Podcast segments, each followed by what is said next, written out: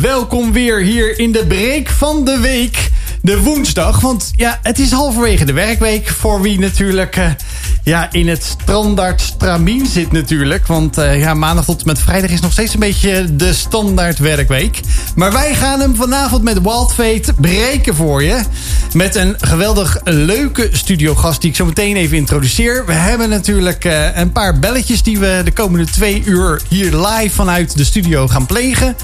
Ja, en uh, er is ook allicht degene die ons op de socials volgen. Die hebben al gezien dat wij een waanzinnig gave prijs mogen weggeven. Deze komende, uh, nou ja, niet twee weken. Maar je hebt twee weken de tijd om het juiste antwoord te geven. Zodat wij uh, jou die prijs kunnen overhandigen misschien wel. Maar daarover straks meer. Maar daar zal ik je ja, toch wel een beetje voor in spanning moeten houden. Leuk dat je er weer bij bent vanavond hier bij Walt FM. Leuk dat je erbij bent, Marije. Ja, dankjewel Joost. En ja, we hebben hier een uh, bijzondere gast. Ik zeg altijd weer, uh, ja, daar moeten we altijd eventjes voor gaan zoeken. Het is een uh, presentator. Het is een spreker, spreekster. Het is een onderneemster. Maar buiten dat alles om, denk ik vooral dat ze liever wordt gezien ook als een goede, bijzonder mooie vrouw. Ze, heeft, ze is ook echtgenote, ze is moeder, ze is zus en ook bovenal op haar website staat, ze is vriendin. Ze is in het mooiste uh, geboortejaar. Wat ik me maar kan bedenken. Ja, geboren, ja, ja, want dat is namelijk ook mijn geboortejaar. En het is leuk, want ze zijn namelijk in het begin. Ja, ik ben gelukkig nog niet grijs. Helaas, ik uit dat geboortejaar. Danielle Rebel Boeven. Heel ik ben goed. wel een beetje grijs. Ja, klopt. Welkom. Ja. Dankjewel. Wat leuk hoe je aangekondigd wordt. Ik ben helemaal uh, verrast. Ja, nou dan proberen we toch altijd een beetje als surprise te houden. Want ja, het is nooit de standaard iemand. En het is nooit standaard. En het is altijd leuk om te mogen doen. Helemaal leuk, ja. ja. En als mensen dan denken, man, wat zie je er goed uit. Dan moeten ze straks natuurlijk weten waar ze een tof outfit kunnen fixen. Zeker. Ja. Nou, en uh, ja, sowieso kun je meekijken via United 7 en via de socials van, uh, van Wild FM, de Wild Foundation. Dus dan kan je ook zien dat Danielle daadwerkelijk ook een echte haarkleur heeft. En dan kun je ook mij zien dat ik ergens links en rechts van allerlei grijze haren heb ondertussen. Dat is niet van de zorgen gelukkig. Ik ben wel een beetje trots er ook verderop op. Maar ja, het, het hoort nou eenmaal... Ik zie nog geen plekjes, dat is ook wel weer fijn, ja, toch? Nee, nee, de kaal, dat zit niet in de familie. Nee. Maar uh, ja, we gaan altijd eventjes aan het begin uh, van onze uitzending, Danielle. is wel bekend eigenlijk, iedereen die meeluistert. hebben we het altijd eventjes over, wat zei je ook weer? Was het een dankbare, dankbare punt... Een dankbaar ja. punt waar je eigenlijk afgelopen week dankbaar voor bent. Waar je gewoon denkt van, wauw, dit is eigenlijk wel iets wat ik ook wel met, met, met jou thuis wil delen. Ah. daar ben ik gewoon blij mee. Maar uh, ik zal het niet gelijk aan jou vragen. Laat Marije eerst even. Uh, ja, heel delen, goed. Kan want, heel even uh, denken. Ja, ja, ja, precies. Nou ja, dus de afgelopen jaren heb ik als ondernemer nooit een kerstpakket gekregen. Nee. En nu heb ik met twee online acties meegedaan. Dat je als vrouwelijke ondernemer een andere vrouwelijke ondernemer een kerstpakket verstuurt. En bovendien uh, doen we dat vanuit mijn bedrijf ook verzorgen voor mensen die zeggen van nou, ik wil nu dit jaar eens voor mezelf ook een kerstpakket kopen. Of me iemand cadeau doen. Dus dat betekent dat ik zowel vanuit de radio Tadaa, en twee andere kerstpakketten thuis gestuurd heb gekregen. En die staan nog om het te wachten. Want ik dacht, die ga ik pas vanavond, oh. als ik uit de studio kom, ga ik ze openmaken. Als een kind oh. in de snoepwinkel. Juist. Nou, wat een leuke, wat een leuke, mooi dankbaar punt. Uh, ja, van toch? Ik ben en, ja, Ik ben benieuwd naar Danielle. Of zij ja. al even zo even heeft kunnen denken. Ja, ik zat te denken afgelopen week. Ik heb heel veel om dankbaar voor te zijn. Hoor, maar afgelopen week is mijn dochter 20 geworden. Gefeliciteerd. En dat is natuurlijk denk je, ja leuk, je dochter 20 geworden. Maar mijn dochter is twee jaar echt zwaar depressief thuis geweest. Dus mm. die zag alleen maar zwart. En die is er weer. Dus ze werd op haar twintigste verjaardag... ik weet dat ze vorig jaar op haar negentiende verjaardag wakker werd... en dat ze alleen maar kon huilen. Ik ben nooit 18 geweest. Echt dramatisch. Is gewoon verschrikkelijk. En, en van de week werd ze wakker. Ze was 20 en ze zegt... mam, ik ben wakker en ik was gelukkig. Nou, dan ben je als moeder wow. ook gelukkig, toch? Ja, ja, zeker weten. Ja, Mooi. dus daar ben ik heel dankbaar voor. Ja. Nou ja, ik ben uh, dankbaar voor vrienden om me heen. Uh, dat is echt wel, uh, wel weer wat leuk was afgelopen weekend. Want ja, we hebben een heel bijzondere... ik noem maar even kerst. Kerst. Nee, het was niet kerst. Het was voor hun verjaardag. Ze zeiden, weet je, we willen jullie uitnodigen om met ons mee te gaan voor, een, voor een lunch-diner. Want aangezien alle uh, restaurants ja. ook om vijf uur dicht gaan. Maar je wilt toch uh, gezelligheid hebben, hebben met elkaar. Zijn we naar een heel gezellig restaurant gegaan. We hadden alle eigenlijk een beetje rekening mee gehouden dat uh, ja, wij ook gewoon zelf zouden betalen. Want ja, dat is ook geen enkel probleem.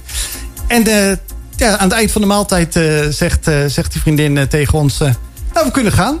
Ik zeg, ja, hoeveel krijg je van ons? Nee, is niet nodig. Dat krijg je van ons. Een cadeau. Nou, dat is echt een heel tof cadeau geweest. Kon je het ontvangen? Ja, ja zeker weten, Danielle. Ik heb, we hebben echt wel even gedacht van... Echt waar? Is dit serieus? Leuk, hè? Ik kijk echt mijn vrouw en mijn partner aan. Ja, eh, oké, okay, prima. Is goed, dankjewel. Heerlijk. Dus nou, daar, uh, dat hebben we in ieder geval in de pocket. Uh, vanavond hebben we nog veel meer uh, te geven en te delen. Dus blijf lekker hangen. We zijn zo bij je terug. Elke woensdagavond hoor je de laatste gospelhits op Wild FM.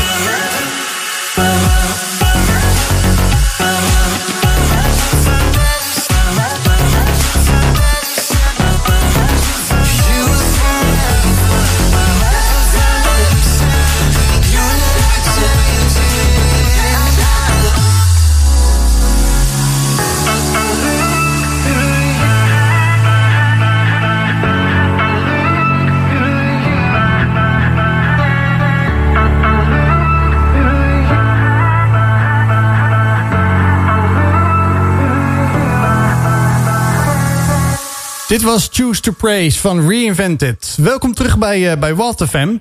We zijn hier uh, ja, vanavond weer uh, gezellig live vanuit de studio van Walt FM. Met ons programma Walt Fate. En ja, als je nou denkt van ik wil ook graag ja, wat vragen. Of ik wil wat laten weten. Of ik wil laten weten waar ik zit te luisteren. Of ik heb een antwoord op de komende prijsvraag. Want we, hebben, we gaan nu eventjes tijd nemen om eventjes te weten wat die bijzondere decemberprijs prijs gaat worden. Dan kan je naar de studio appen naar 063939 2050. 063939 2050. En op de socials van Wild FM en de, de Wild Foundation staat ook de prijsvraag. Dus daar kan je me ook invullen. Over twee weken, de 29e, gaan wij live in de uitzending de prijs uh, trekken, zou ik maar zeggen, van de deelnemers. En daar gaan wij ook degene voor inbellen. En ook met degene die dan in de studio zit, uh, gezellig een, een bijzonder momentje van maken.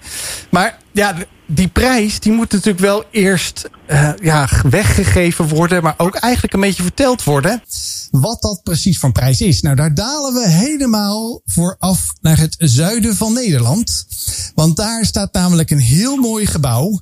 Een heel mooi huis. En dan dat huis, dat heet het Gouden Hert. En de eigenaren, Remy en uh, uh, Naomi, die zitten nu hier onder de, de, de knop van mij in de telefoon mee te luisteren. En die gaan ook mee praten. Want wat is het Gouden Hert, Remy? Ja, het Gouden Hert, dat is een, uh, een heel bijzondere bed and breakfast beleving. Nou ja, een bed and breakfast, maar we proberen het wel altijd heel speciaal te maken voor iedereen die uh, bij ons te gast is. Nou, dat klinkt, al, dat klinkt alleen al als een beleving, omdat je het bijna zo. Ik word er zo nieuwsgierig van, van wat dat dan precies uh, ja, is, zo'n uh, beleving bij het Gouden Hert. Kan je eens even vertellen, waar, waar staat jullie bed and breakfast?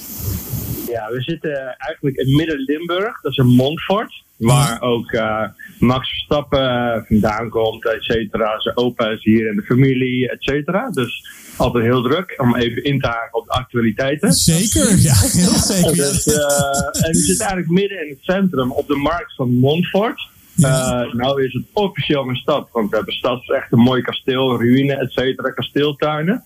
Uh, maar het is eigenlijk een heel klein ja, landelijk dorpje. Waar je heel mooi kan wandelen, fietsen en, ja, een mooie rustieke omgeving. Nog niet echt heel erg ontdekt door de horeca, zoals in Zuid-Limburg. Maar het is wel, uh, ja, iedereen die bij ons komt, zegt allemaal van ja, het is echt wel fantastisch wandelen. Het is zo mooi allemaal. Ja, we zitten eigenlijk precies langs een, uh, ja, het midden van een paar restaurantjes, langs de koop, de supermarkt, uh, OV is in de buurt. Maar op een paar honderd meter loop je ook langs de vlootbreek zo naar het bos in. Dus ja, Midden-Limburg is eigenlijk ja, heel erg mooi. Het is een beetje licht glooiend. En mensen die bij ons komen, ja, die komen echt wel tot de rust en vinden het eigenlijk fantastisch. Sommigen die stappen binnen en willen gelijk opnieuw boeken.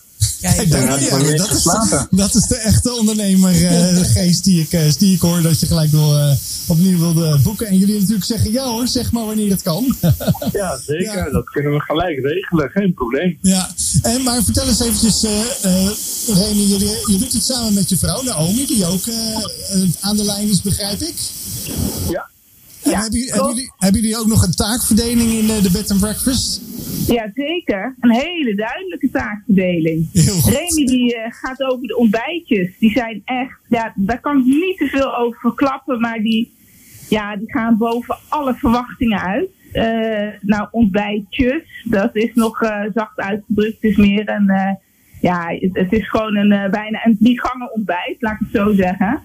Maar uh, daar gaat Remy over. En uh, nou ja, ik moet erbij zeggen, het is misschien ook wel leuk om te weten. Het is wel een spik nieuwe B&B, hè. We zijn nog een paar maanden open. Zo. En, uh, dus het is echt... ja, het ruikt nog nieuw, laat ik het zo zeggen. Ja, ik, ik zou ook je zeker willen uitdagen als luisteraar. Kijk vooral even op de socials van, uh, van WaltFM. Of anders op de website van het Gouden Hert. Hetgoudenhert.com. Als ik me niet vergis, klopt dat? Ja, uh, punt, uh, com volgens mij. Ja, hè, punt com. Ja, dat dacht ik ook al. Ja, zo nieuw is het dus. zo nieuw is het dus, ja. Nee, maar je kunt, uh, wat, wat kun je ook bij jullie in de omgeving doen? Want stel voor dat de prijswinnaar nou ja, met het openbaar vervoer komt. Want ik begrijp dat dat ook makkelijk toegankelijk is met jullie. En wat hebben jullie dan ja, te doen, los van even wandelen? wat hebben jullie voor leuke bijzonderheden die jullie aanbevelen als, als bed and breakfast? Nou ja, goed. We, we hebben ook een halen brengservice naar verschillende plaatsen. Dus het hoeft niet altijd met het OV. Dus dat vinden mensen wel fijn. Maar in Remond hebben we natuurlijk een hele mooie oude authentieke uh, binnenstad. Maar daar is het ook een designer outlet. En dan komen mensen echt van heinde en ver. Zelfs uit Azië komen speciaal en Duitsers heel veel. Komen echt daar hun designkleding halen. Uh, nou, we zitten eigenlijk aan de Maasplassen, ook voor allerlei dier. En uh, ja, de stranden zijn daar in de zomer, kan je naartoe. Je kan er ook uh, varen met de boot, vissen, nou, noem maar op allemaal. we zijn natuurlijk ook, we zitten op het kleinste, het smalste stukje van Limburg. Ja. Dus als je nou eens denkt, nou ja, ik vind het wel heerlijk om eens eventjes uh, naar België toe te gaan of naar uh, Duitsland. Hè, ja. Die landenpunt, uh, hè, je bent vanuit ons ook zo in Zuid-Limburg, hè, met het mooie heuvellandschap. Dus ja, er zijn gewoon vanuit onze plek heel veel mogelijkheden om te ondernemen. Ja, ja. Zuid-Limburg doen we zelf ook vaak gewoon even een dagje naartoe. En soms even naar de Ardennen. Dat zit eigenlijk zo, ja. ja het is niet met OV te doen, Ardennen. Maar als je auto hebt, dan ben je er zo. Uh, ja, het is eigenlijk vlakbij allemaal. Dat is heel goed te doen. Dus de, sommige mensen die op vakantie komen, ja, die doen gewoon echt lekkere tripjes overal naartoe. Ja, nou dan hebben we het in ieder geval nu even over, het, uh, de, over de omgeving gehad. Uh, over het geweldige ontbijt. Maar uh, krijg ik daar dan ook een houten bed bij? Of een bed van stro? Of is dat nou, nog een beetje nee, een lijst? Nee, we hebben echt ons best gedaan om... om kijk, wat wandelaars, wat, men, wat gasten graag willen, is goed bed, een goede douche en een goed ontbijt. Nou, daar hebben we echt voor ons best voor gedaan om een heel goed bed te vinden. Die hebben we gevonden. Met goede referenties hadden we eerst gekeken voor de hotels. En uh, ja, er zijn heel veel mensen die daar, iedereen slaapt heel goed. En ook mensen die soms uh, niet kunnen slapen van nature, zeg maar, die, ja, die slapen toch wel goed.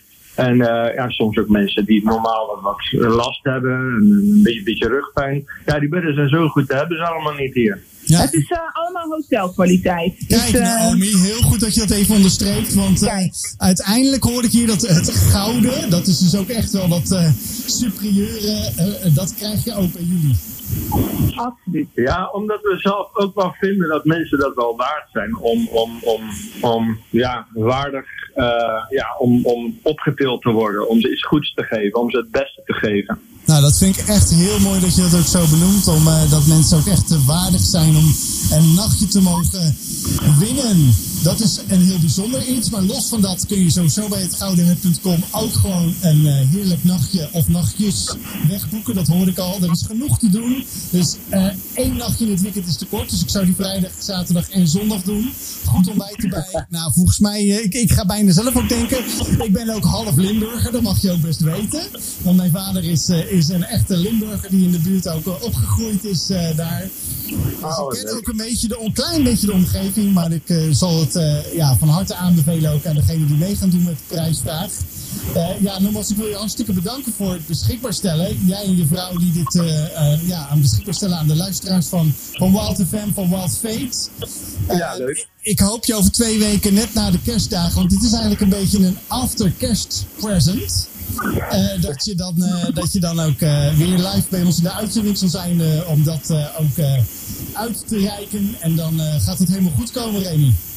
Ja, leuk, leuk. Ja. Ja, we doen het graag. Nou, dat vind ik echt geweldig. Nogmaals bedankt voor het uh, beschikbaar stellen aan, aan Wild FM, aan Wild Fate. Uh, Remy en Naomi de Wild van het goudenhert.com.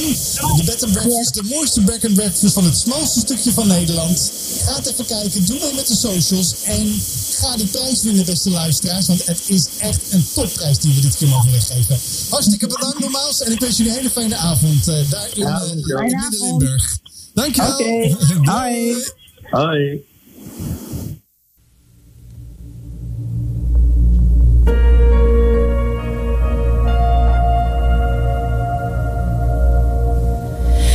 Love incarnate, love divine. Star and angels gave the sign.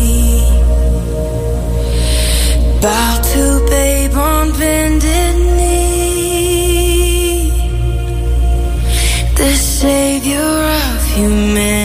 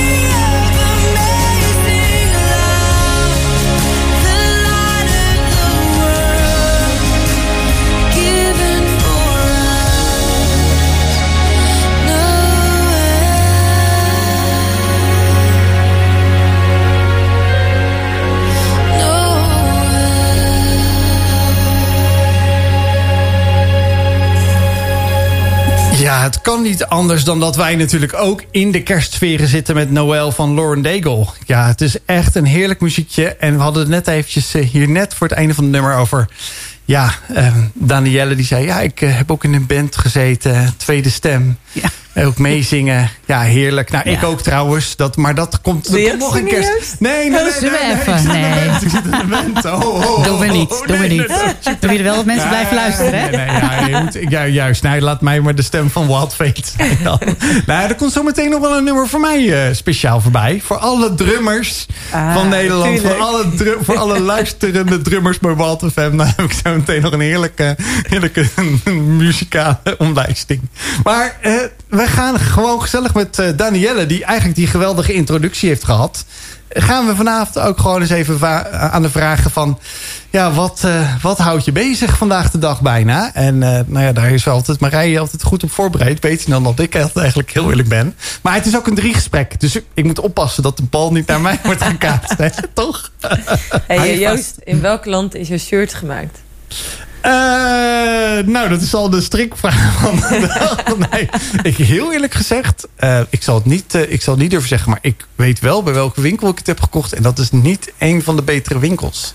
En dat is wel heel, heel tricky hier met een duurzame kledingonderneemster eh, in de zaal. Die ook volgens mij wel graag kleding wil... eh, nou ja, die ook wil zeggen... als je kleding wil, wil kopen, koop het dan bij mij. Eh, niet zozeer bij mij, maar bij een goede Bij een goede winkel. goede winkel. En dat kan ook vanavond in het heel bijzonder wel bij jou. Want dat heb ik wel gehoord. Dat we wel een kortingscode langs gaan laten er komen. komt echt nog een hele Een hele wilde kortingscode. Ja, daarom. Hey, Iets met wild of Ah, zo.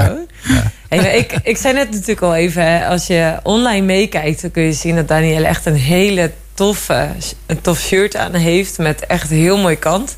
Ik heb het net ook zelf gekocht, dus eh, ik kon het niet laten. Maar ehm, ja, je hebt iets met kleding ontwerpen, je hebt iets met kleding. Kun je daar iets over vertellen?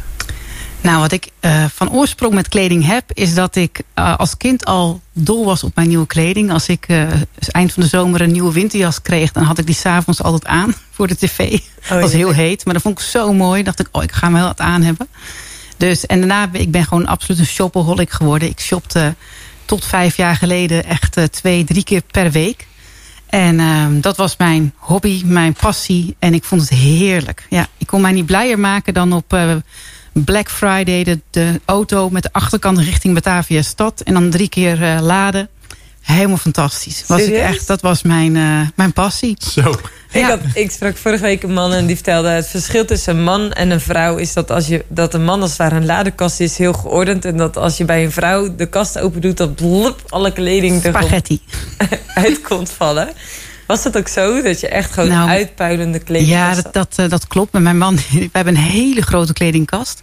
En hij zei, iedere keer heb ik een minder, een kleiner stukje. En mijn vrouw een groter stukje. Maar dat klopt. En dat heb ik eigenlijk nog steeds hoor. Ik ben, eh, ik ben niet dat ik heel snel dingen ook wegdoe. Maar ik heb wel veel weggedaan. Maar uh, ik heb inderdaad een gigantische kledingkast nog steeds. Maar goed, ik kreeg dus vijf jaar geleden ook een soortgelijke vraag als jij Joost. Tenminste, ik, uh, ik uh, sprak iemand die voor een stichting werkte. En ik vroeg aan haar, joh, wat wat kost dat jou nou dat je zo'n voor zo'n goede doelenstichting werkt? En toen zei ze ja, ik ben gewoon heel veel bezig met eerlijkheid. En ik kan dus niet meer naar de Hennis en Maurits. En ik dacht echt, meer naar de Hennis en Maurits. Dat lijkt me ongeveer echt het ergste wat je kan overkomen. Nou, dat dacht ik niet hoor. Maar ik dacht wel, zou ik dat kunnen? En ze vertelde mij in wat voor omstandigheden kleding werd gemaakt. En toen dacht ik, dit wist ik niet. Dit wist ik gewoon niet. Waarom weet ik dit niet? En toen ben ik het gaan uh, onderzoeken. Ik heb drie koopvrije maanden ingelast. Dat was best wel uh, pittig voor iemand die zo vaak winkelt. En ik ben gewoon in die tijd ben ik gaan zoeken naar hoe zit het in elkaar. Want ik wilde gewoon niet andere mensen tekort doen. Hè? Wat we net hoorden van de mensen van de bed and breakfast. Iedereen verdient een, een fijn uh, en een goed bed. Dat vind ik ook. En dat geldt ook voor de mensen aan de andere kant van de wereld. En uh, ja, toen dacht ik, dit is absoluut niet oké. Okay. Ik ben me kapot geschrokken. Ik denk, ja, want wat kan is, dit? Wat is hetgene wat je ontdekte? Ja, ik ontdekte dat kleding in omstandigheden gemaakt wordt... waar ik gewoon absoluut niet aan bij wil dragen. Mensen die hele lange dagen moeten maken. Mensen die in fabrieken werken die onveilig zijn. Ehm, ehm, boeren die hun katoen moeten verbouwen met gifstoffen, niet beschermd worden. Mensen die ziek worden. Leerlooierijen waar mensen moeten stampen door de zwarte verf. En nou, het is, zo'n verschrikkelijk voor woorden. Hè? Wil je er iets van zien, kijk uh, absoluut naar de True Cost. Een documentaire die uh, is gemaakt naar aanleiding ook van de ramp bij Rana Plaza. En ik dacht, gebeurd? Ja, er is een fabriek ingestort. En daar zijn dus um, ruim duizend mensen, 1100 mensen, om het leven gekomen. Terwijl ze wisten dat de fabriek niet veilig was. En daar lagen dus allemaal labels tussen die, al die puinhopen van merken die ik kocht. En toen dacht ik, ik ben hier zonder dat ik het wist... ben ik hier ergens soort van medeplichtig gaan. En dat wil ik niet. Dus het moet anders. Dus uh, zo is eigenlijk uh, mijn blik veranderd. En wat, wat was het gevolg van die veranderde blik? Nou, dat ik in ieder geval wat geld overhield. dat is mijn man die dat ah, niet helemaal twee, drie keer per uh, week shoppen, dat, uh, ja, dat nou er wat op. Ja, nou, het was eigenlijk vooral een zoektocht. Want ik was natuurlijk niet in één keer van mijn koopliefde af, zeg maar. Dus ik uh, dacht, waar ga ik het dan wel kopen? Dus daar ben ik naar op zoek gegaan. Ik ben gewoon gaan kijken, hoe zit het in elkaar? Uh, waar kan ik wel heen? En vooral ook een soort van geluid afgeven van... joh, wist jij dat? Weet je, eerst gewoon een gesprek op verjaardagen. Nou, mensen keken me aan, dat weet ik. Ja, ergens heb je het misschien ergens wel eens gehoord. Nou, inmiddels is het natuurlijk nu vijf jaar verder. Het is nu veel meer in het nieuws geweest. Hè. De EO heeft een aantal mooie programma's gemaakt...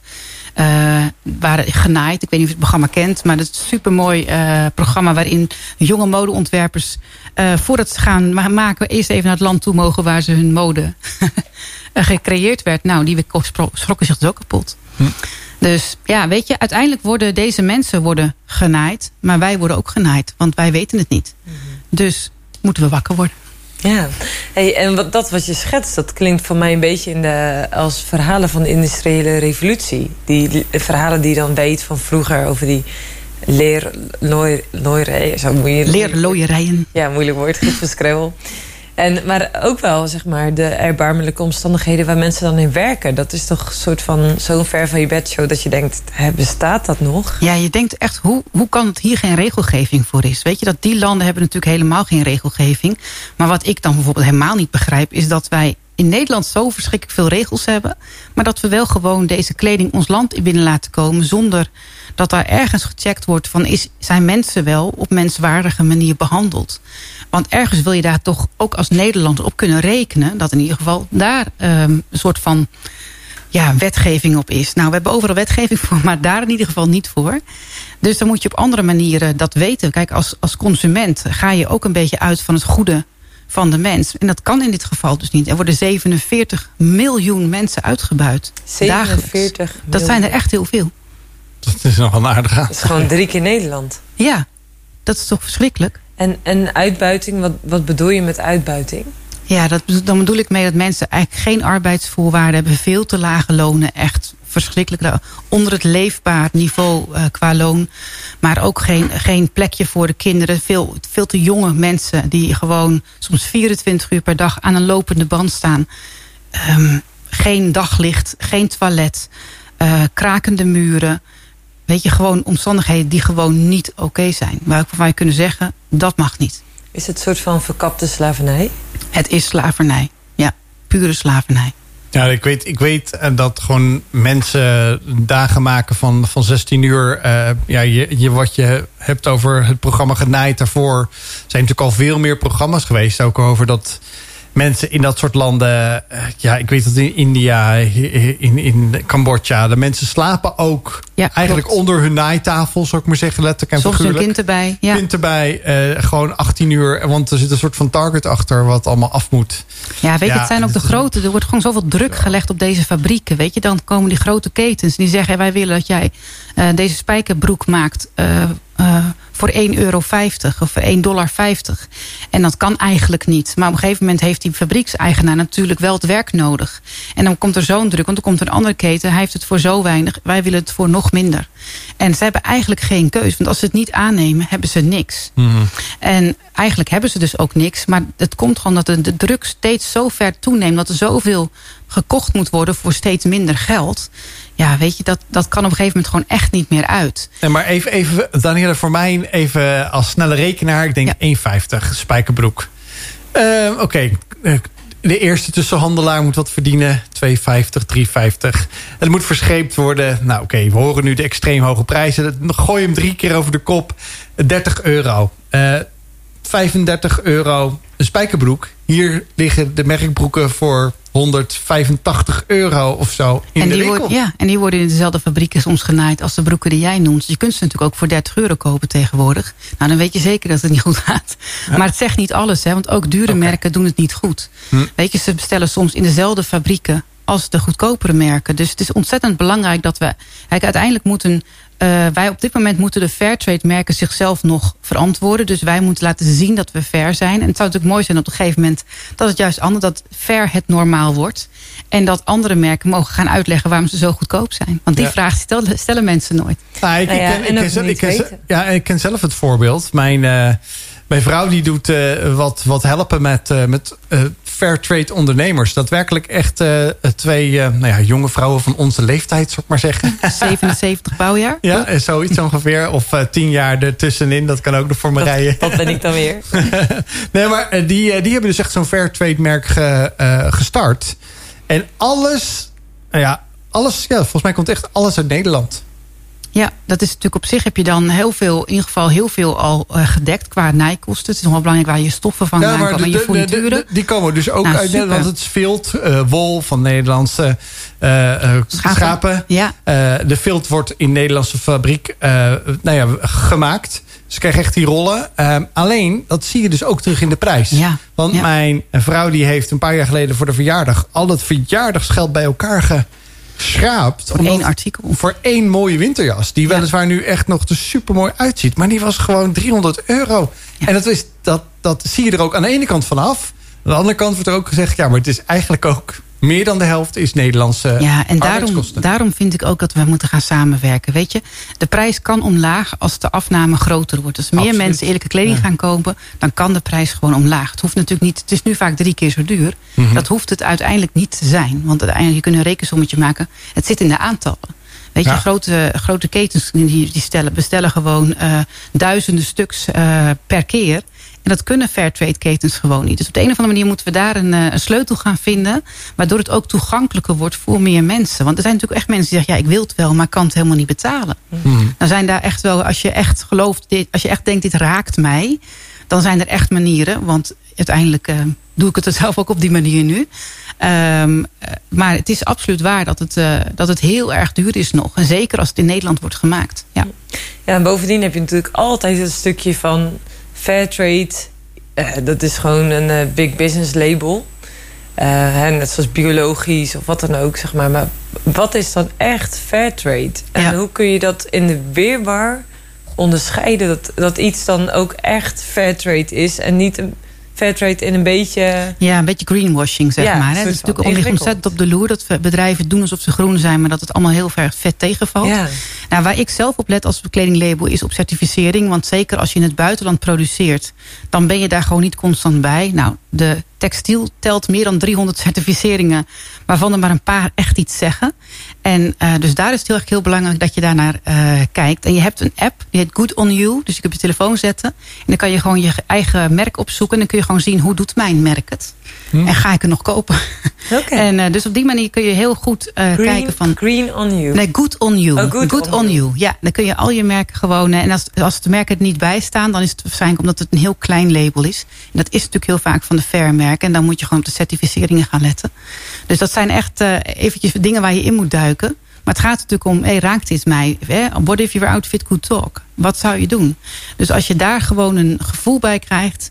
Nou, dan denk ik haak aan op een aantal eh, Instagram of Facebook accounts... die daar heel veel over informeren. Dat, dat triggert mij trouwens wel hoor, wat je zegt. Eh, What if your outfit could talk? Ja, Ja. zo.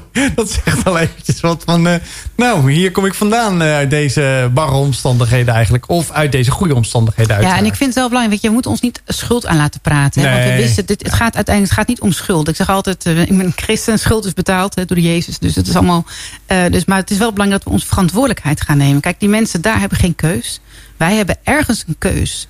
Dus, en die moeten we gaan nemen. Ja, maar En, die keuze die wordt toch ook hartstikke bepaald voor wat we zien en horen. Ik bedoel, je loopt maar eventjes op straat en je ziet de billboards, je ziet de, de bushokjes, Absoluut. je ziet eh, alle reclamefolders die je, eh, die je thuis krijgt. Nog goedkoper, nog beter. ja. Eh, Daar gaan we het nou zo over ja? hebben, Joost. Dat, dat is het ding. Ja, daar gaan we het zo nodigt uit tot meer gesprek. Ja, tot zo.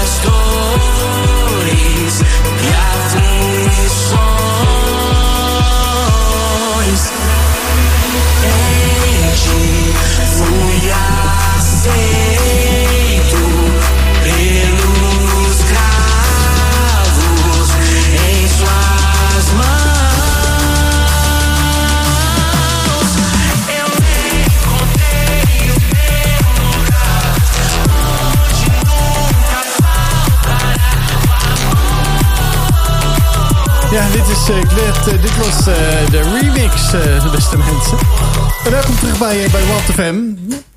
Welkom terug bij Wild FM. Ehm, ja, we zijn hier in gesprek met eh, Danielle. En we hadden het net voor de muziek over, eh, over de marketing. En hoe mensen beïnvloed worden over wat ze, ja, wat ze luisteren, wat ze doen. Dus daar was Danielle eigenlijk over aan het vertellen. Dus ik ben heel benieuwd, Danielle, wat, wat je ons daar eigenlijk ook wil over meenemen. En waar je ons in mee wil nemen over die, ja, hoe we eigenlijk beïnvloed worden. Want daar hadden we het even tijdens de muziek over. Ja, klopt. Ja, weet je, ik, ik vind altijd de mensen daar, die worden altijd een beetje gezien als, die zijn natuurlijk zielig. Want het is ook zo. Het is ook echt heel erg wat er gebeurt. En tegelijkertijd ben ik gaan nadenken van, ehm, wat gebeurt er nou eigenlijk? Want je wil graag iets veranderen. Je wil ergens een geluid geven voor die 47 miljoen mensen. Maar dit, dit leed ontstaat natuurlijk ergens. En het leed ontstaat hier. En dat is niet omdat wij schuldig zijn... maar omdat wij eigenlijk ook slachtoffer zijn van een heel programma. Weet je, we worden zo beïnvloed door heel veel reclames... die echt aansporen om te kopen. Om ons eigenlijk steeds een boodschap geven. Als je dit hebt, dan word je gelukkig. En dat is gewoon niet waar. En ik denk dat dat ook een... Dus ergens zijn we hier ook slachtoffer van een heel ander ge- gebeuren... waardoor een soort kettingreactie ontstaat. En dat is iets waar we misschien wel het allermeest voor wakker mogen worden. Wat wordt er eigenlijk tegen ons gezegd? En wat is daarvan waar? Dus toen ik hiermee bezig ging... Het eerste wat ik deed is me uitschrijven voor alle nieuwsbrieven van ketens... waar ik voor ingeschreven stond. Simpel om niet meer beïnvloed te worden. Want dan wist ik het gewoon niet. Nou, dat helpt enorm. Ja, dit gaat natuurlijk over kleding. Eh, 47 miljoen mensen die in de kledingindustrie werken. En waarvan je zegt van hè, er is veelal sprake ook van Nou, de, uitbuiting. de 47 miljoen zijn de uitgebuite mensen. En er is natuurlijk ook een, inmiddels een hele industrie op gang aan het komen... van mensen die dus wel in eerlijke fabrieken werken. Dus die, die verhouding moet natuurlijk gaan verschuiven. dus, maar er zijn 47 miljoen mensen die in de textielindustrie werken. En dus ja, naaien, ehm, dingen in elkaar zetten. Ja. En dan, je, eh, je neemt ons nu net mee in het stukje van... Hè, die marketing heeft eigenlijk heel erg veel invloed op ons omdat het ons dingen belooft dat als we dit of dit of dit of dit of dit maar kopen, dan zullen we dus gelukkig worden. Ja, of succesvol. Weet je, als je, als je een bepaald soort auto koopt, zie je er altijd een man in een pak in zitten. En dan komt er een mooie vrouw in die auto. En ergens krijg je de boodschap: als je deze auto koopt, dan word je succesvol. Dus het is, er zit zoveel psychologie in die marketing. Uh, waar je eigenlijk um, helemaal niet, niet uh, waar jouw brein gewoon op reageert. Dus dat is niet eens dat je dat wil, het gebeurt gewoon. En daar moeten we ontzettend alert op zijn. Eigenlijk is dat een heel, um, ja, een beetje, bijna een beetje leugenachtig dat dat gebeurt. En daar zitten, daar zitten dus heel veel mensen die daar dus slachtoffer van zijn. Dus ergens denk ik, het zou eigenlijk niet moeten mogen, maar het gebeurt wel. Mhm. Mm -hmm. Ja. Ja, dus in de tendens van als je dit koopt, dan voel je jezelf succesvol of dan word je gelukkig. En dat is eigenlijk de trigger dat je noemt dat mensen juist heel veel dingen gaan kopen. Ja, mensen gaan kopen. En, en het gevoel van ik kan veel kopen... geeft een gevoel, ik ben rijk of ik ben, um, ik ben gelukkig. Ik moet zeggen dat toen ik winkelde vroeger... voelde ik me ook altijd echt wel gelukkig. Alleen het geluksgevoel bleef maar heel kort. Dus ik ben op een gegeven moment natuurlijk ook wel af gaan vragen... waarom wil ik zoveel kopen? Dus het is ook wel iets waar je dan dus meer over na gaat denken... omdat het gewoon... ja ik wilde het niet meer doen. Dus, uh, en ik merkte wel dat ik het wel echt heel erg miste. Ja, dus eigenlijk hetzelfde als iemand die telkens weer een peukje opzet. Want je hebt door de tolerantie ook steeds meer nodig... om steeds hetzelfde gevoel te behouden. Ja, en ik denk dat mensen daarin ook switchen soms. Hè, of in even heel veel sporten. Of, weet je, er zijn allerlei soorten dingen waar, die waarmee je leegtes kunt vullen. En dat heb je eigenlijk niet door. Dus het, dus het blijft maar uh, in stand gehouden worden. En ik denk als je daar oog voor gaat krijgen... dan krijg je in eerste instantie oog voor jezelf. Ja, je vertelde aan het begin van het interview... van eigenlijk herkende ik dat ook wel zelf. Ik was ook shopaholic. Uh, wat heeft jou eigenlijk doen beseffen... dat je zelf ook gelukkig kunt zijn... zonder steeds naar de winkel te gaan en dingen te kopen? Ja, dat is iets wat eigenlijk pas later plaatsvond. Hoor. Misschien wel het laatste jaar waarin ik ook met mijn, ja, met mijn bedrijf merkte dat het heel moeizaam ging. En er dus steeds meer, um, ja, minder inkomsten kwamen. Dat ik echt dacht van hoe moet ik, hoe moet ik nu nog verder? Ja, weet je, ik geloof in God. En hij, ik had echt het gevoel dat ik dit ook moest doen, van, mocht doen van hem. En toen dacht ik, waarom, uh, waarom lukt het nou niet? En ik merkte dat eigenlijk heel veel van mijn uh, geluk afving, afving van de voorwaarden die ik schepte om gelukkig te zijn. Dus het moest zo zijn, moest er zo uitzien. En dan voelde ik me prettig. Terwijl ik eigenlijk, als ik heel eerlijk ben, geloof dat dat helemaal niet zo is. Maar zo leefde ik wel, was ik gewoon gewend. Dus en ik denk als je erachter komt dat die voorwaarden, als je die loslaat, dat er dan eigenlijk helemaal niet iets gebeurt. Maar dat je eigenlijk juist meer vrijheid krijgt. Ja, dat is fantastisch. Nou, dan valt daar volgens mij een hele belangrijke vraag in... die we elke uitzending vragen hier bij Walter FM. De geloofsvraag, vraag, vraag, vraag, vraag. De geloofsvraag van vandaag ja. is... Heeft God een verlangen naar recht? Ja, absoluut. Weet je, God heeft een boek geschreven. En in dat boek gaan meer dan 2000 teksten gaan over recht. Weet je, God zegt ik ben de God van gerechtigheid. Dat klinkt natuurlijk een beetje zwaar. Maar wat hij daar in eerste instantie mee bedoelt... is dat hij recht wil doen aan mensen. Dus gewoon aan mij. En vervolgens vraagt hij aan mij... wil jij dan ook recht doen aan die ander? Dus dat is een hele mooie lijn eigenlijk. Eigenlijk is van boven naar beneden. God doet recht aan mij. Hij wil voor mij zorgen. Hij houdt van mij. Hij vergeeft mij. Hij vindt mij eindeloos fantastisch. En vervolgens, als ik dat snap... nou, dat lukt niet altijd. Weet je, we hebben als mens lopen we allemaal onze schrammen op. Maar als je dat echt gaat snappen... dan ga je ook naar de ander omkijken. Hè? Wat, wat we ook met elkaar leren. Je kunt niet van de ander houden als je niet van jezelf houdt. Dus in eerste instantie... Uh, wil, wil, wil God van jou houden en daar jou daarin recht doen. Daarom heeft hij ook zijn zoon Jezus naar de aarde gestuurd... zodat wij konden snappen wie hij is. En dan vervolgens zegt hij, doe, doe recht. Ik geloof dat God twee dingen zegt in de Bijbel. Heb lief en doe recht. En dat is wat jij met Fair Rebel bent gaan doen? Ja. Jouw kledinglabel, je noemde net al even toen het met het bedrijf moeilijk was. Maar het bedrijf is dus Fair Rebel. Eh daar doe je je naam eer aan. je rebelleert of je, je bent een, een speaks, spokeswoman voor datgene wat er gebeurt ook in de, in de wereld rondom kleding. Eh, kun je iets vertellen over jouw bedrijf? Ja, ik ben het bedrijf begonnen. Ik had hiervoor een ander bedrijf. En op een gegeven moment had ik zoiets van... ik wil eigenlijk nog iets doen wat heel erg bij mij past. En toen ben ik gewoon gaan nadenken, waar hou ik van? Nou, ik hou van God. En waar geloof ik in? Ik geloof in gerechtigheid, in recht doen aan elkaar. En waar hou ik nog meer van? Ik hou heel veel van kleding. Nou, die drie dingen heb ik gewoon bij elkaar gestopt. En toen ben ik een kledingmerk begonnen. En dat begon ik in eerste instantie omdat ik... Ja, ik, ik vind geloven iets fantastisch. Maar op de een manier zijn we als christen niet zo goed in staat om te vertellen waar we in geloven. En we zijn ook niet zo goed om ons daar naartoe te gedragen. Dus ik dacht, als we dat nou gewoon... Geloof is echt heel goed nieuws. Dus dat moeten we gewoon beter brengen. Dus ik dacht, als ik nou kleding maak waar hier iets subtiels op staat... dan, nou, dan gaan we gewoon dat dragen naar ons werk... en dan krijgen we gewoon een leuk gesprek. Weet je wel? Gewoon niet omdat je de ander wil overtuigen... maar gewoon omdat je wil vertellen waar je in gelooft. Net zoals die ander vertelt. Nou, ik had van het weekend lekker naar Max Verstappen gekeken. Nou, super. Ik, was in de, ik, was, uh, ik heb een preek gekeken. Wil je weten waar het over ging? Weet je, dus op die manier. Dus ik dacht, ik wil een christelijk kledingmerk starten. En natuurlijk moet het eerlijk, want ik was dat, dat traject zeg maar ingegaan. Maar ik werd vervolgens alleen maar bevraagd op... Uh, waarom heb je een eerlijk kledingmerk gestart? Dus dat was constant de vraag, eerlijk, eerlijk. Dacht ik, hoe kan dat nou? Dus ja, ik, ben dan, ik ga dan praten met God. En dan zeg ik, wat gebeurt er nou? Want ik ging toch een een christelijk kledingmerk starten. Waarom vraagt iedereen nou naar eerlijk? En dan kom ik eigenlijk terug op jouw vraag. Toen zei God tegen mij, dat doet hij in mijn gedachten. Omdat ik de God van gerechtigheid ben. En recht doen is mijn goede nieuws. Dat is wat ik wil vertellen aan de mensen. Ik wil recht doen aan elk mens. Oh, dacht ik, nou, dan kan ik alle ruimte nemen. Dan gaan we het hebben over eerlijk. Dus zo uh, ben ik eigenlijk steeds meer een eerlijk kledingmerk geworden. En niet zozeer meer alleen een christelijk kledingmerk.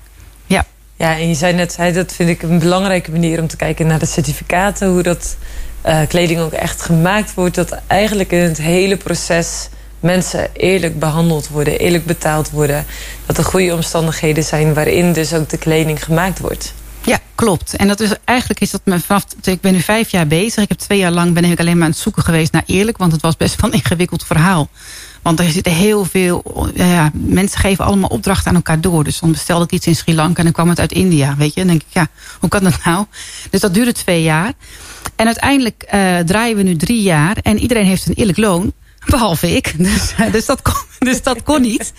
Dus daar ging ik natuurlijk over nadenken. Van hoe kan dat nou? En ik merkte ook dat eigenlijk al heel veel kleine fairtrade kledingmerken dit probleem hebben. Dus ik ben nu op dit moment heel erg aan het nadenken van hoe kunnen we het anders doen. Want we hebben allemaal hetzelfde doel. Eigenlijk kijken we allemaal naar die 47 miljoen. En ik geloof gewoon niet. Weet je, mensen denken heel vaak van ja, zij zijn de groene mensen en zij zijn de uh, foute mensen. Maar ik geloof niet in foute mensen. We zijn allemaal mensen en we willen ten diepste willen we wel het goede doen met elkaar. Dus alleen we zijn niet allemaal wakker voor hetzelfde. En ik ben hier wakker voor geworden. Dus denk ik, hier moet ik gewoon over praten. Ja, fantastisch. Nou, ik denk dat we daar fantastisch mooi inderdaad lekker door over kunnen praten in de tweede uur straks na de break uh, hier bij Walt FM uh, met Walt Veet. Uh, met, samen met Danielle spreken we over, eigenlijk over gerechtigheid, over duurzaamheid ook. ja, wat dat eigenlijk met je geloofsleven, ook hoe je dat kan betrekken in je geloofsleven. Dat denk ik wel een hele mooie. Heb je daar nou vragen over? Wil je laten weten wat je ervan denkt? Laat het ons even weten via de, de, de WhatsApp. 06 393 uh, Of laat het even achter op de socials. Dan uh, kunnen we het allicht hier ook nog vanavond aan, uh, aan Danielle vragen. Ja, wij zijn hier natuurlijk vanavond 15 december. Ja, we leven een beetje richting kerst. Misschien denk je wel, ah, ik word helemaal knettergek van al die kerstmuziek... die ik altijd hoor op, op de radio. Nou, dat kan natuurlijk gebeuren. Ehm, nou ja, aan de andere kant, je hebt bij mij eigenlijk nog heel weinig kerstmuziek gehoord vanavond. voor de voor de, voor de opletter die, die, die heeft gehoord dat we wat kerstmuziek hebben gedraaid. Ehm, daar, ja, daar gaan we natuurlijk ook meer, meer over, over, over horen. Ehm, met, met onze kerstmuziek die we draaien. Maar ik ben heel eventjes aan het kijken waarom mijn technische kant het niet allemaal doet. Want daar gaat het niet helemaal, helemaal lekker om. eigenlijk iemand van de doorbrekers te, te bellen. Maar dat uh, lukt niet helemaal vanavond. De techniek laat me een beetje in de steek. Maar nou, ik had het al beloofd in het vorige uur natuurlijk... dat uh, dan ik dan maar graag van harte een, uh, een, een lied voor de, voor de muzikanten... en in bijzonder de drummers laat draaien. Ik ga nog even opnieuw contact zoeken met... met David van de, van de Doorbrekers... om eventjes wat te vragen over hun kerstnummer. Maar dan laat ik dan in ieder geval alvast dit kerstnummer horen. Little Drummer. We zijn zo bij je terug.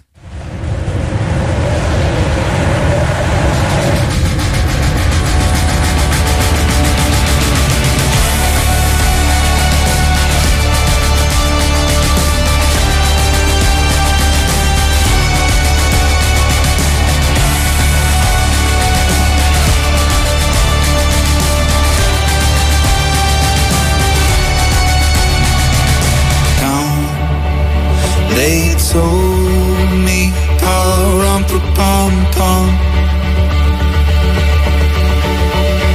A newborn king to see Param pa pam pam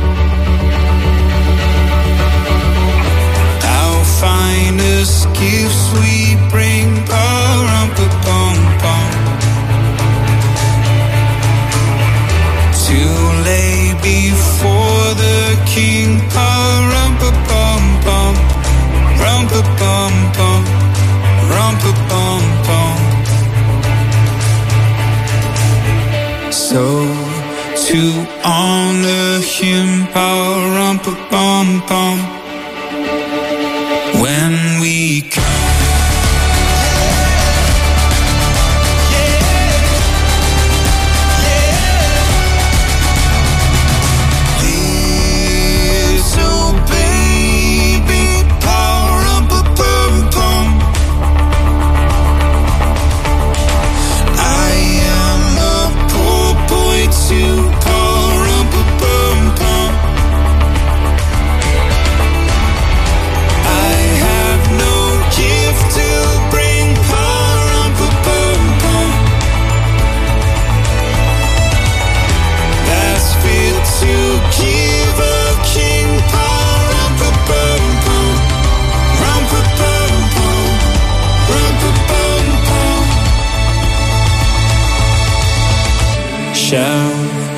I play for you? Pow rum pa bum bum.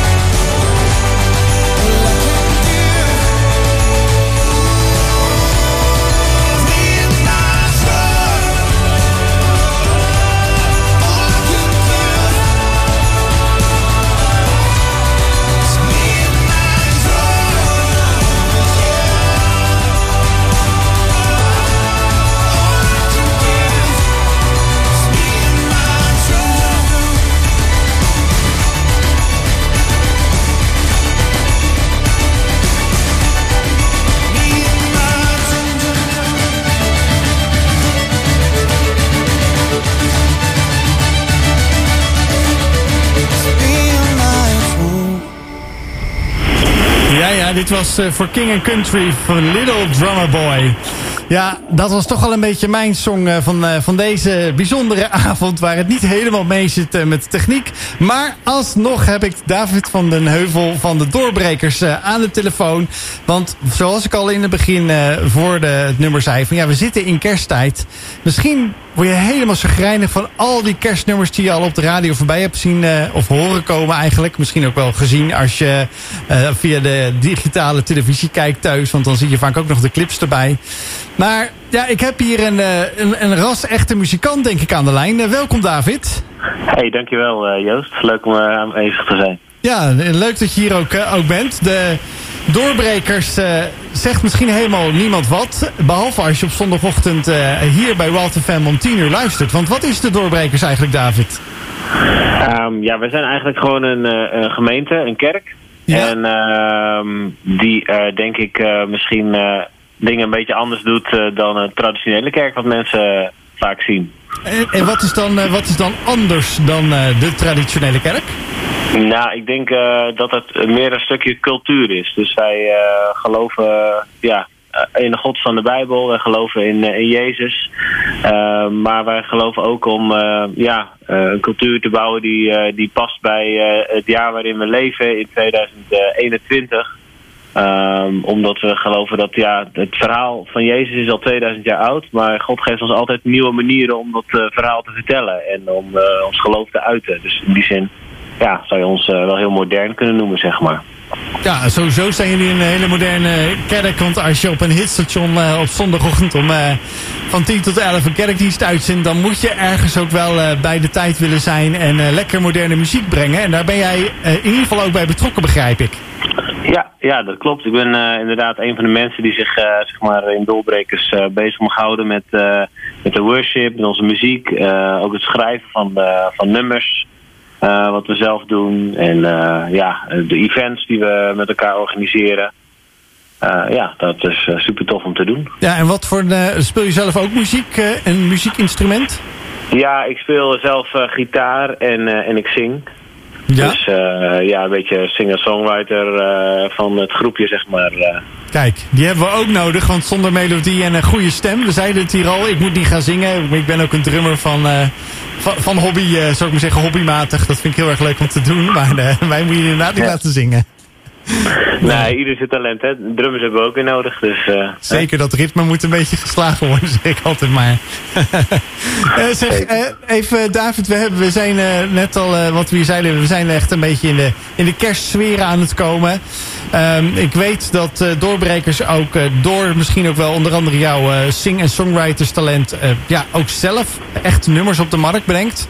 Dus die zijn eh, niet alleen hier op zondagochtend te horen, maar ook in jullie eigen kerkdiensten, maar ook op Spotify en dergelijke te vinden, weet ik. Ja, ja. Want niet alleen, jullie maken niet alleen kerstmuziek gelukkig, toch? Want jullie willen ook daarin eh, nieuwe elan brengen. Nee, zeker. Ik denk dat we eh, in, de, in de basis gewoon eh, nummers maken die, waarmee wij ja, God aanbidden. Waarmee wij eh, eh, dat mensen kan helpen om, om een stukje te, te ervaren van wie God is. En om, om naar hem toe te kunnen zingen.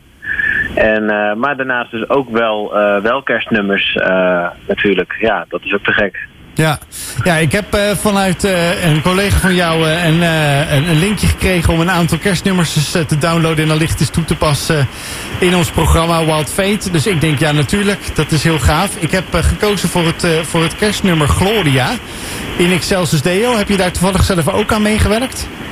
Eh, volgens mij heb ik daar ook een eh, stukje in gezongen, ja. Ja, klopt. Oké. En, en ja, kun je de wel met luister... drie mensen, dus eh een van de drie ben ik. Ja, en kan je de luisteraar even meenemen wat dat... Wat de inhoud eigenlijk van het nummer is, Gloria, in Excelsis Deo, denk ik? Ehm, sorry, wat de inhoud is van dat nummer? Ja, wat, wat eigenlijk wat, wat jullie ja, zingen? Dat is, dat is eigenlijk een, eh, al een heel klassiek eh, kerstnummer eh, wat we in een soort van nieuw jasje hebben gegoten. Ehm, ja, de, eh, wat eigenlijk een beetje gaat over eh, wat de engelen zongen. Die zongen glorie eh, in de hoge. Ja, dat is eigenlijk variatie daar, daarop, zeg maar, van dit nummer. Ja. ja.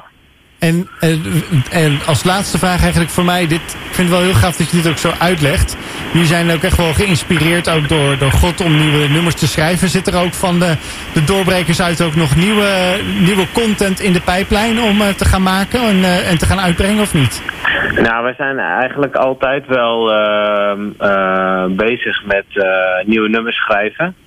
Ik geloof ook dat dat eh, eigenlijk een soort eh, opdracht is die, eh, die ik en anderen geloof dat met mij gewoon ook wel een soort van hebben gekregen. De Bijbel zegt zing de Heer een nieuw lied. Ja, dan moeten er ook nieuwe liederen geschreven worden om te kunnen zingen met elkaar. Dus het is, ja, zijn genade is elke dag nieuw. Hij heeft elke dag weer nieuwe dingen voor ons. ja, dus er blijven altijd nieuwe, nieuwe liederen die we kunnen schrijven. En er blijft altijd een nieuwe manier waarop we hem kunnen aanbidden, zeg maar. Nou, dat vind ik echt heel mooi gezegd. eh, Zoals je die bijdrage hier bij Wild, eh, bij Wild FM, eh, hier in ons programma van Wild Fate, hebt gedeeld. Ik wil je heel erg bedanken ook voor dit, ja, voor dit korte interview. En een, stukje inleiding in, in Gloria van het, van het nummer van de Doorbrekers. Ik wens je heel veel succes en wijsheid in, en, en inspiratie en mooie nummers voor de toekomst te mogen schrijven. Ehm, ja, en nogmaals, wil je David van den Heuvel een keer eh, horen. Misschien herken je zijn stem doordat je vanavond meeluistert. Maar ook op zondagochtend is hij allicht een keer, eh, keer te horen bij, eh, bij de doorbrekers. Die hier ook om tien uur 's ochtends een eh, ja, eigen tijds eh, geïnspireerde, door God geïnspireerde kerkdienst ook verzorgen. Hartstikke bedankt voor, voor je tijd David. En eh, een hele fijne avond verder. Hartstikke leuk, dankjewel. Jij ook, hè? Jo. Oké. Elke woensdagavond hoor je de laatste gospelhits op Wild FM.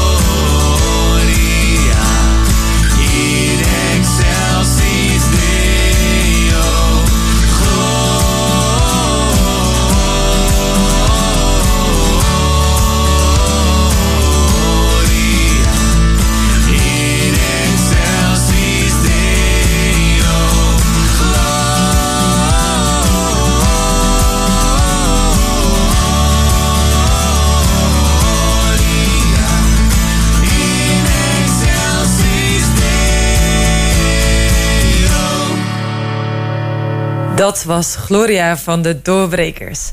Fantastisch. Ik vind het altijd heerlijk om zo een beetje richting kerst te kijken. En gewoon uit te zien naar datgene wat dan voor ons ligt. Wellicht heb je op de socials al gekeken naar de winactie die we zojuist gepromoot hebben.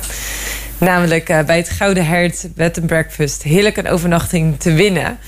Nou, dat is sowieso een heel goed iets. En daarnaast was er vanavond ook de poll. Want elke week weer hebben we de vraag van... Kom maar, kom maar, kom maar met je mening. En vandaag was de poll... Ik koop duurzame kleding. Nu zijn jullie vast en zeker benieuwd naar de uitslag. Zeker, zeker, zeker. Roffel. Nou, hij is door veel meer mensen gekeken dan dat ze gekozen hebben van... ben ik inderdaad voor, koop ik inderdaad duurzame kleding of niet? En dat heeft misschien wel mee te, eh, te maken dat mensen erover nadenken... ja, eh, koop ik eigenlijk wel duurzaam? Of wat koop ik dan eigenlijk? En de uitkomst is dat 50% die gereageerd heeft zei... ik koop duurzame kleding. En 50% zei ik koop geen duurzame kleding. Nu ben ik natuurlijk heel erg benieuwd, Danielle. Wat is, is dat een beetje het gemiddelde in Nederland? Ah, was dat maar waar. Ik denk dat heel veel mensen ook niet op nee durfden te klikken. Dat weet ik niet hoor. Maar ik denk altijd nee is nog niet. Hè? Dus eh, wie weet als mensen op een gegeven moment het vaker horen... dat ze denken ik wil er toch over nadenken. En ik ga ergens een keer gewoon een paar eerlijke sokken kopen. Eens even kijken hoe dat voelt. En dat Zitten die denken- dan ook lekkerder? Dat denk ik wel. Ik- als mensen bij ons kleding kopen, zeggen ze altijd... nou, het zit zo lekker. Ja, het zit eigenlijk dubbel lekker. Het zit gewoon lekker, maar het zit ook lekker omdat ik weet dat het eerlijk is gemaakt. Dus het doet echt iets met je. Het geeft zoveel positieve energie. Dus het doet ook iets met jezelf. Dus ik denk dat als mensen dat gaan beleven... dat ze vanzelf die beweging wel willen gaan maken. Dus het is gewoon bewustwording. Ja, dat is heel mooi. Danielle zit hier vanavond in de studio. Zij is eh, eigenaar van het label Fair Rebel. Eh, dat wordt ook een beetje geleerd aan je achternaam, maar dat is ook wel een beetje wie je bent. Om juist een stem te zijn eh, voor eerlijke, duurzame kleding.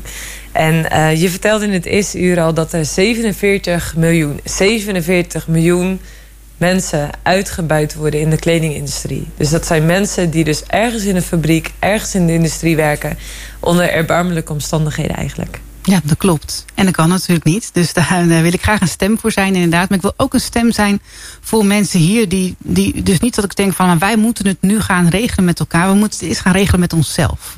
Dus ik denk dat dat heel belangrijk is. Want mijn kledingmerk dat bestaat nu vijf jaar en we zijn drie jaar online.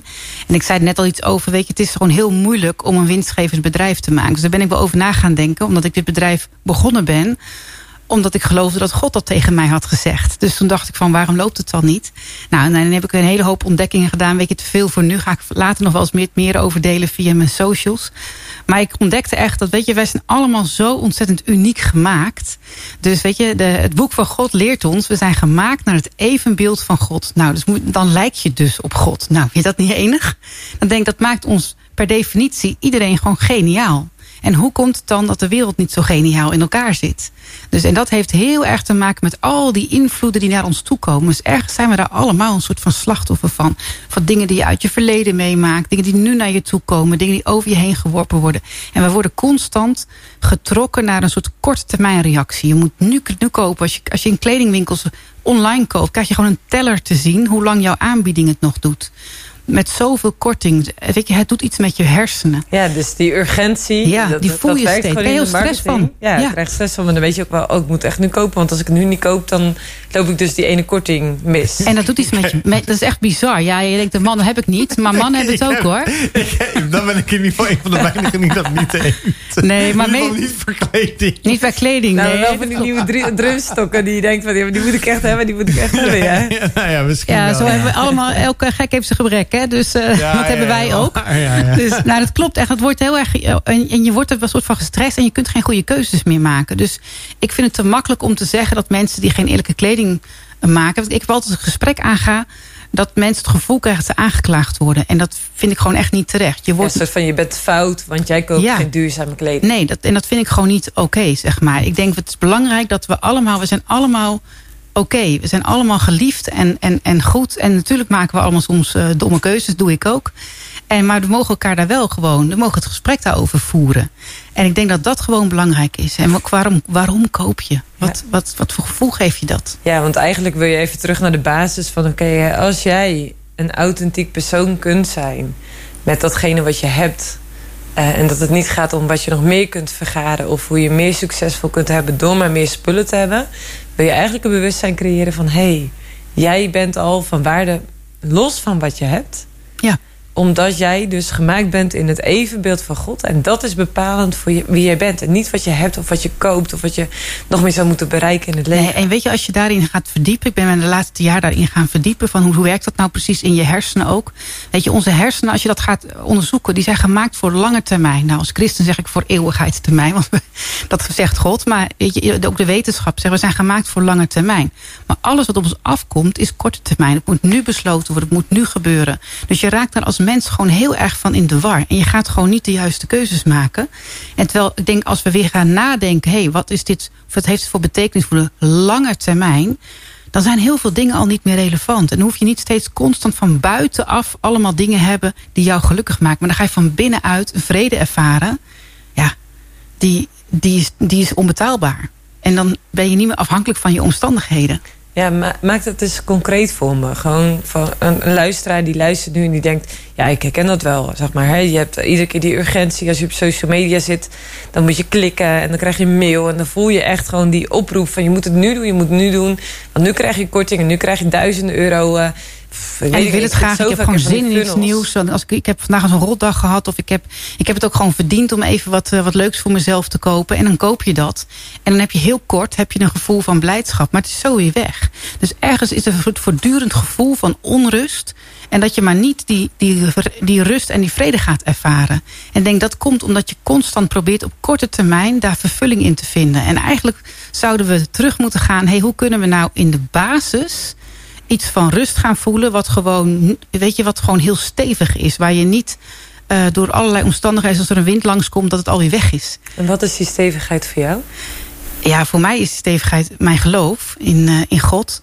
Dat ik gewoon mag weten, weet je, ik lees zijn boek heel graag. En er staan allerlei hele mooie beloften in. En ik denk wel eens, als God echt is wie hij zegt dat hij is... Nou, dan is die echt heel goed nieuws. Kijk, en ik geloof dat.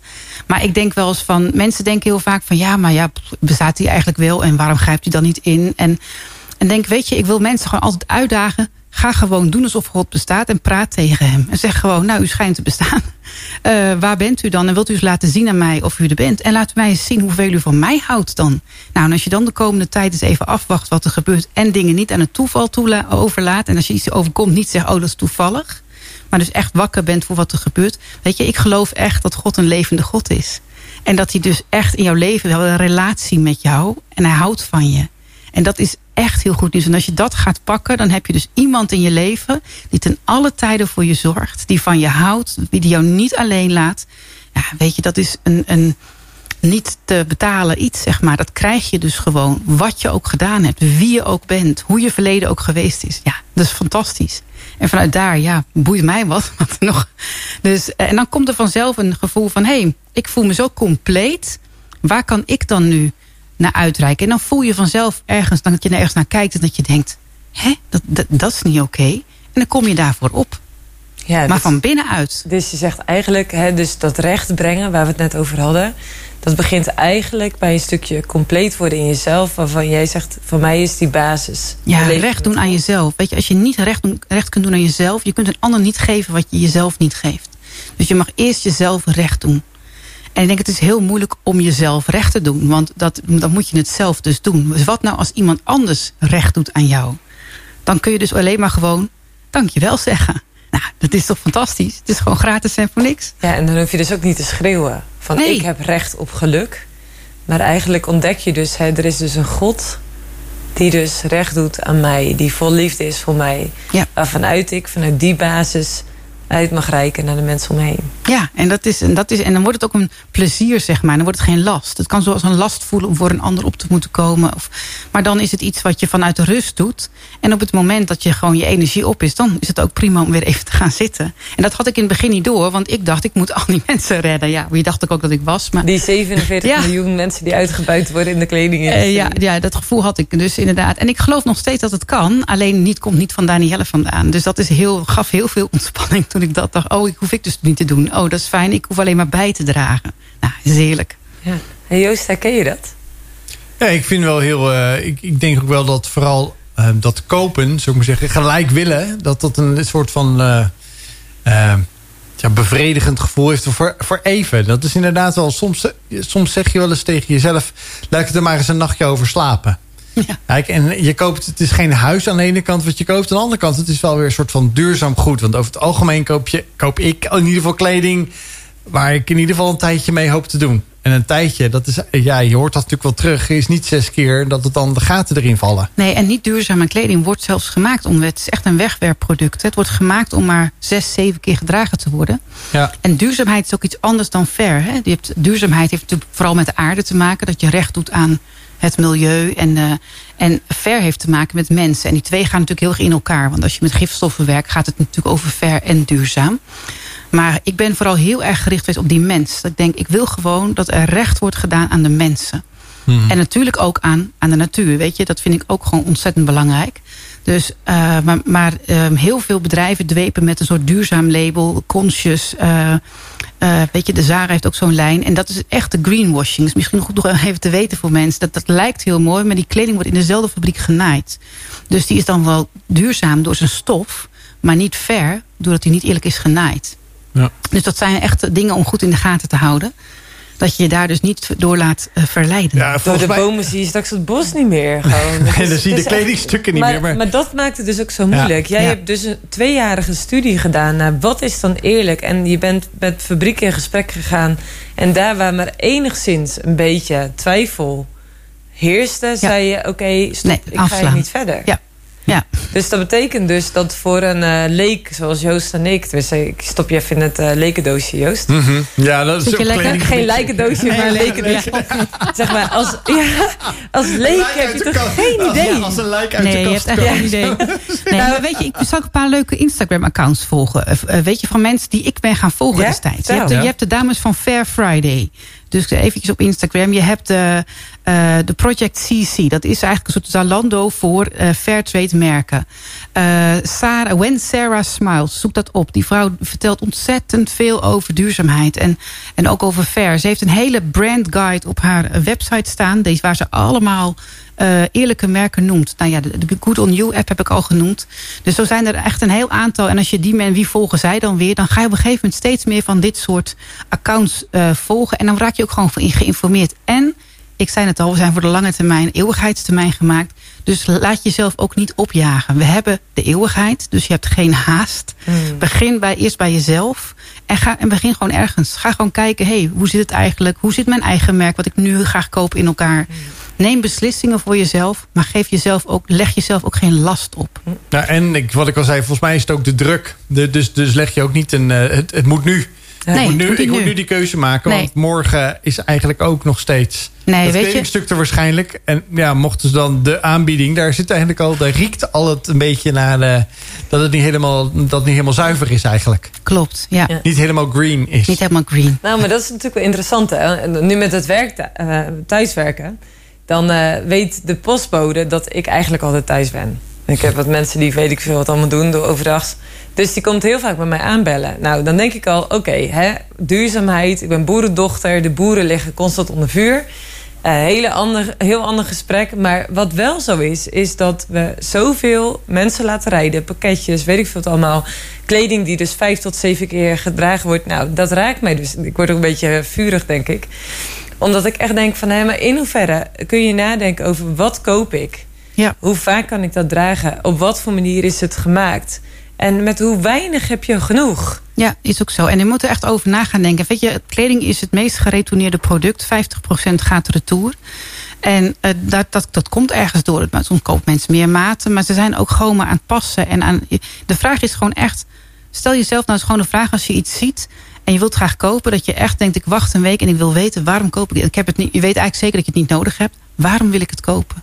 Welk, welk pijntje probeer ik nu weg te duwen... door datgene wat ik nu wil kopen? En dat je eerlijk naar jezelf gaat zijn. En dan doe je jezelf echt een cadeau als je dat gaat doen. Ja. Nou ja, dat vind ik echt wel mooi. Want ik hou niet van winkelen. Dus ik, Ik hou nog steeds van wel. Ja, ik hou van kleren die lang meegaan. Dit jurkje wat ik heb ziet er nog steeds heel mooi uit. Maar dat heb ik al twaalf jaar gehad. Er was in, er was uit. Eh, ook omdat ik dat zo belangrijk vind. Van, weet je, eh, ik hou van dingen die mooi zijn en mooi blijven. Maar dat zegt natuurlijk veel over mij. Maar het is best wel goed om jezelf af en toe in de spiegel te kijken. En na te denken, eh, wat zegt het over mij? Hoe raakt dit thema mij? Net zoals dat het mij ook weer inspireert om inderdaad... via die app eens te gaan kijken van... oké, wat, wat doen de merken die ik inderdaad zo graag koop... die wel heel lang meegaan... maar in hoeverre zijn zij dan ook echt eerlijk? Ja, ja, precies. Nou, weet je, er zijn zoveel. En wat ik ook heel vaak hoor, is dat mensen zeggen: het is zo duur, ik kan het eigenlijk niet betalen. En ook daar worden gewoon heel veel ideeën op dit soort accounts voor uitgewisseld. Weet je, ook met een klein budget kun je gewoon absoluut op een eerlijke manier kopen. Dus dat is heel mooi. En ik vind het nog belangrijk om even te zeggen: wat ik heel veel hoor, dat mensen vaak tegen mij zeggen: ja, maar weet je, als ik nou niet meer bij die ketens koop, dan hebben die mensen niks meer. Nu hebben ze in ieder geval nog iets. En dat sommige mensen zeggen dat als excuus om niet te, niet te hoeven bewegen. Maar heel veel mensen menen dat ook. En ik denk het is belangrijk om te weten dat er echt geen waarheid schuilt in die stelling. Want je gaat eigenlijk iets in stand houden. Het is echt belangrijk dat we het gaan doorbreken. En dat je dus niet denkt, dan hebben ze nog iets. Want echt, geloof mij, die mensen hebben niks. Er gaan echt, er sterven veel mensen, er is veel zelfmoord, er is veel ellende. Dus het is, je geeft ze echt niets door, ze, door bij deze grote, lelijke ketens te kopen. Eh, Zowel online als offline. hoor. Want on- online is het eigenlijk, je hebt de fast fashion. Hennes en Maurits en. Je hebt de ultra fast fashion. Heb je inmiddels de Shein. eh Pretty Little Thing. Weet je, al dat soort websites. Het is echt bizar wat zij, eh, wat zij doen. Onder welke omstand ook binnen Europa mensen moeten werken. Want ook daar, Engeland, Italië. Je wil echt niet dat je kind daar werkt.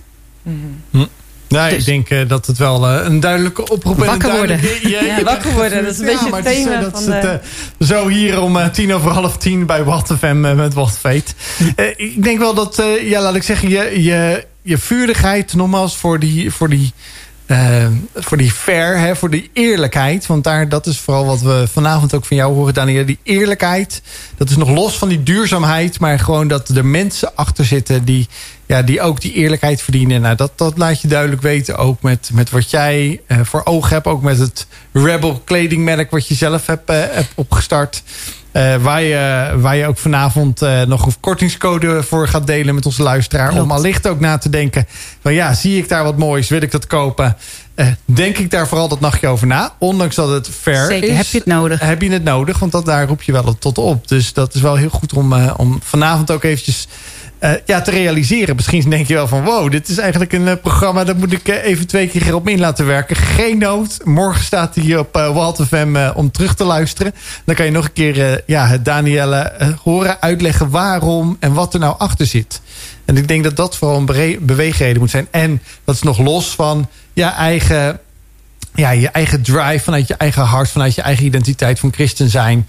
Waarvan je zegt van ja, dit wordt ook in mijn. Hier roept God mij toe op om ook dit, dit te doen. Want dat hoor ik ook bij je terug. Ja, dat klopt. Ja, weet je, hij, heeft mij, hij houdt zoveel van mij. Hij heeft zoveel voor mij gedaan. Dat ik denk, eh, God is echt een lieve, goede God. En hij zegt tegen mij, maar jij, jullie zijn mijn handen en voeten hier. Dus als jullie nou eens even naar de mensen om je heen gaan kijken. En dat hebben we gewoon in het verleden niet goed gedaan. En dat doen we soms nog niet goed. Maar we, elke dag hebben we weer een nieuwe kans. En elke dag mogen we weer opnieuw eh, daar een beweging in maken. Dus ik denk, het is, een, ehm, het is geen opjagende beweging. Maar je mag echt elke dag in vrijheid kiezen voor recht. Ja, en daar heb ik echt een prachtig nummer over. eh, wat we nu eventjes gaan draaien. Love Under Horizon.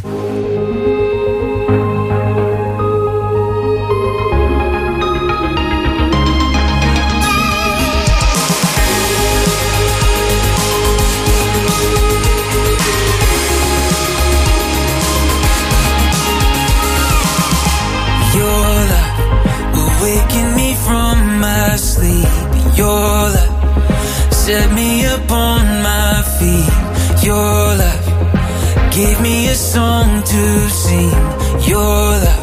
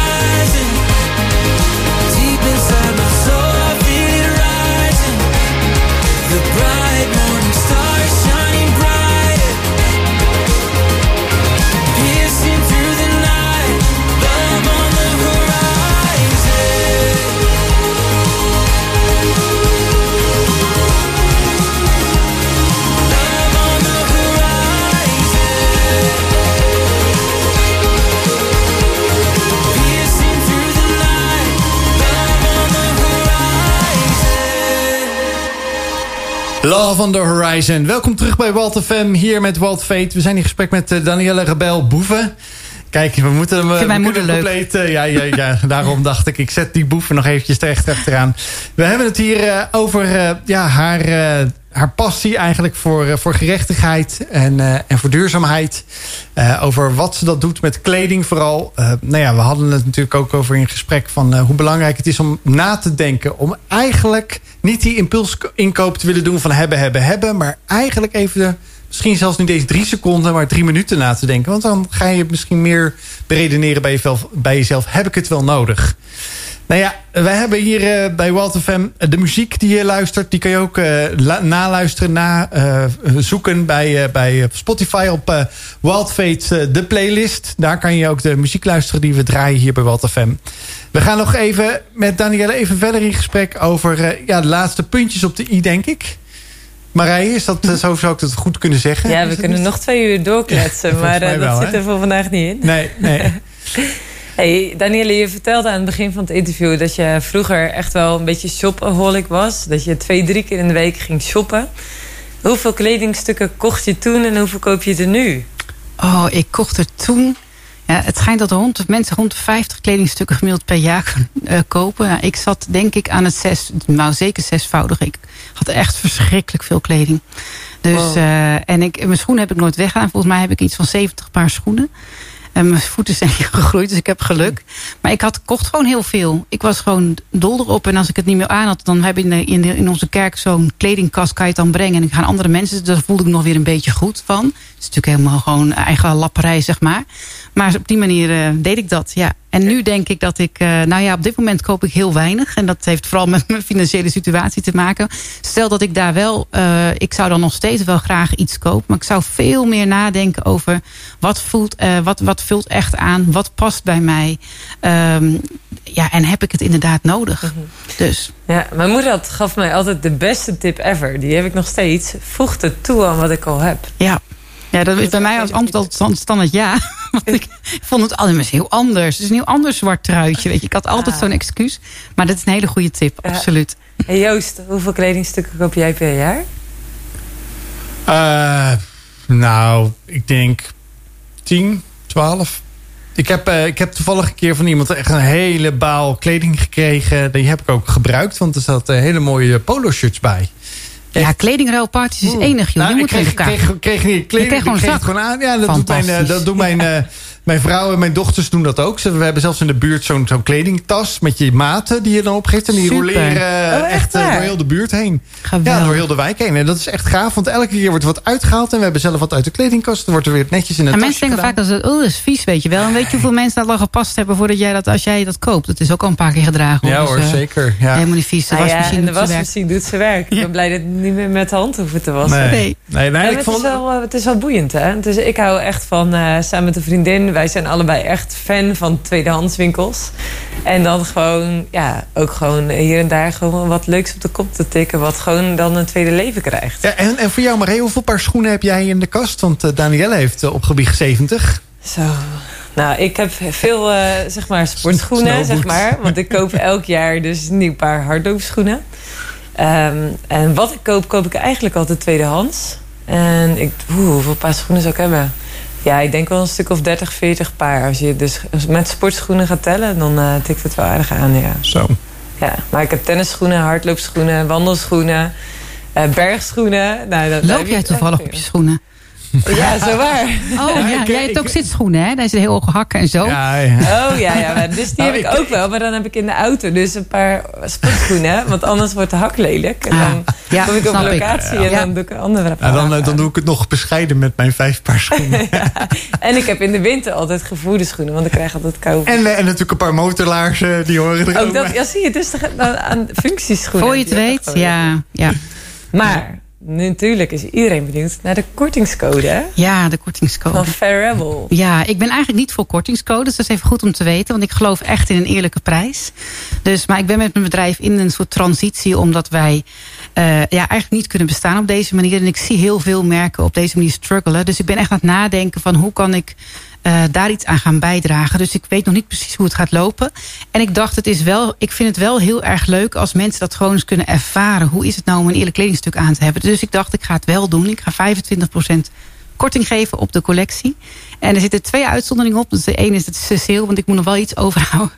En ik heb een aantal doe-recht producten in mijn eh, shop. En daarvan gaat de opbrengst naar een goed doel. En daar gaan we niet vanaf snoepen. Dus, maar als je dus de code WildFate 25 intoetst bij het afrekenen. Kortingscode even tegen toevoegen. En dan rekent die 25% korting. En dan eh, zou ik zeggen, heel veel plezier met je product. En als je vragen hebt, mag je me ook altijd benaderen via Instagram. Vind ik heel leuk. Sommige mensen hebben gewoon vragen. Dan denk ik, nou, kom maar. Ja. Fantastisch. Echt ook gewoon heerlijk hoe je daar ook gewoon open in staat. Zeg maar, van eh, kom maar door. Met je vragen, omdat je juist het verhaal wil vertellen. Ja, weet je, ik heb toen ik, mijn, toen ik hiermee begon, toen, weet je, ik praat dan elke dag met God. En God zei tegen mij, Danielle, jij moet het verhaal vertellen. En dan doe ik de rest. En ik heb niet heel goed geluisterd naar God, want ik heb het verhaal verteld. En ik heb ook geprobeerd de rest te doen. Dat was niet zo'n goed idee. Dus ik probeer me nu te houden bij dat verhaal te vertellen. En dan geloof ik dat er vanzelf ook mensen toegevoegd gaan worden in, in ons bedrijf. Die weer hele andere dingen kunnen. Ik ben gewoon echt niet gemaakt om te produceren en te concurreren. Vind ik verschrikkelijk. Maar ik geloof dat sommige mensen dat wel heel, heel goed kunnen. Weet je? Dus zo zijn we, moeten we elkaar helpen. En ik heb gewoon veel te lang dingen alleen willen doen. Dus, ehm, dus ik hoop gewoon dat er in de toekomst mensen gaan aanhaken. Die zeggen, oh, dat kan ik heel goed. Ik ben hier heel goed in. Dan zou ik ook zeggen, reageer. Dan gaan we het samen doen. En op wat voor manier kunnen mensen jouw verhaal horen? Waar kunnen ze dat horen? Ehm, ja, nou, nu op de radio natuurlijk. Ik heb ook wel in kerken gesproken eh, hierover. Dat probeer ik ook steeds meer te doen. Maar dat is ook lastig omdat ik zelf een merk ben. Dan lijkt het een beetje alsof je preekt voor eigen parochie, zoals ze dat zeggen. Dus dat is ook een van de redenen dat ik het anders wil doen. En gewoon op de plekken waar ik uitgenodigd word. Dus ik, eh, ik ben van plan inderdaad een podcast te gaan maken. Om daar op de een of andere manier... En ik deel ook wel dingen op mijn Instagram en Facebook account. Ik ben een beetje stil omdat ik in, in die transitie ben. Maar eh, dat is eh, stilte voor de storm. Als je nog een laatste zin mee zou willen geven aan de luisteraar, wat wil je de luisteraar dan meegeven? Ja, eigenlijk, oh, oh, oh, oh laat zien. Ehm, ja, gewoon, je bent geliefd. Weet dat je geliefd bent, dat God van je houdt. En dat je ten eerste echt jezelf recht mag doen. Ga naar je kijken, God heeft jou gemaakt. Ik geloof dat echt. Wie heeft hij gemaakt? Je bent fantastisch gemaakt. Je hebt een uniek talent. Ga het ontdekken. En vanaf, vanaf die rust komt er vanzelf een beweging in jou op gang. Waarin je ook iets wil gaan doen voor de wereld om je heen. En dan, dan wordt het één groot plezier, hoe de omstandigheden ook zijn. Nou, dat is een mooie afsluiting. Dankjewel, Danielle. Doe mee met die quiz. Eh, met de prijsvraag van het Gouden Hert eh, voor een leuke prijs. Eh, ga die kortingscode gebruiken. Fate, Nee, Wild. Fate 25 voor die korting bij, bij Danielle haar webshop. Fair Rebel Fair Brand. Rebel Brand. Bedankt voor het luisteren en tot de volgende keer.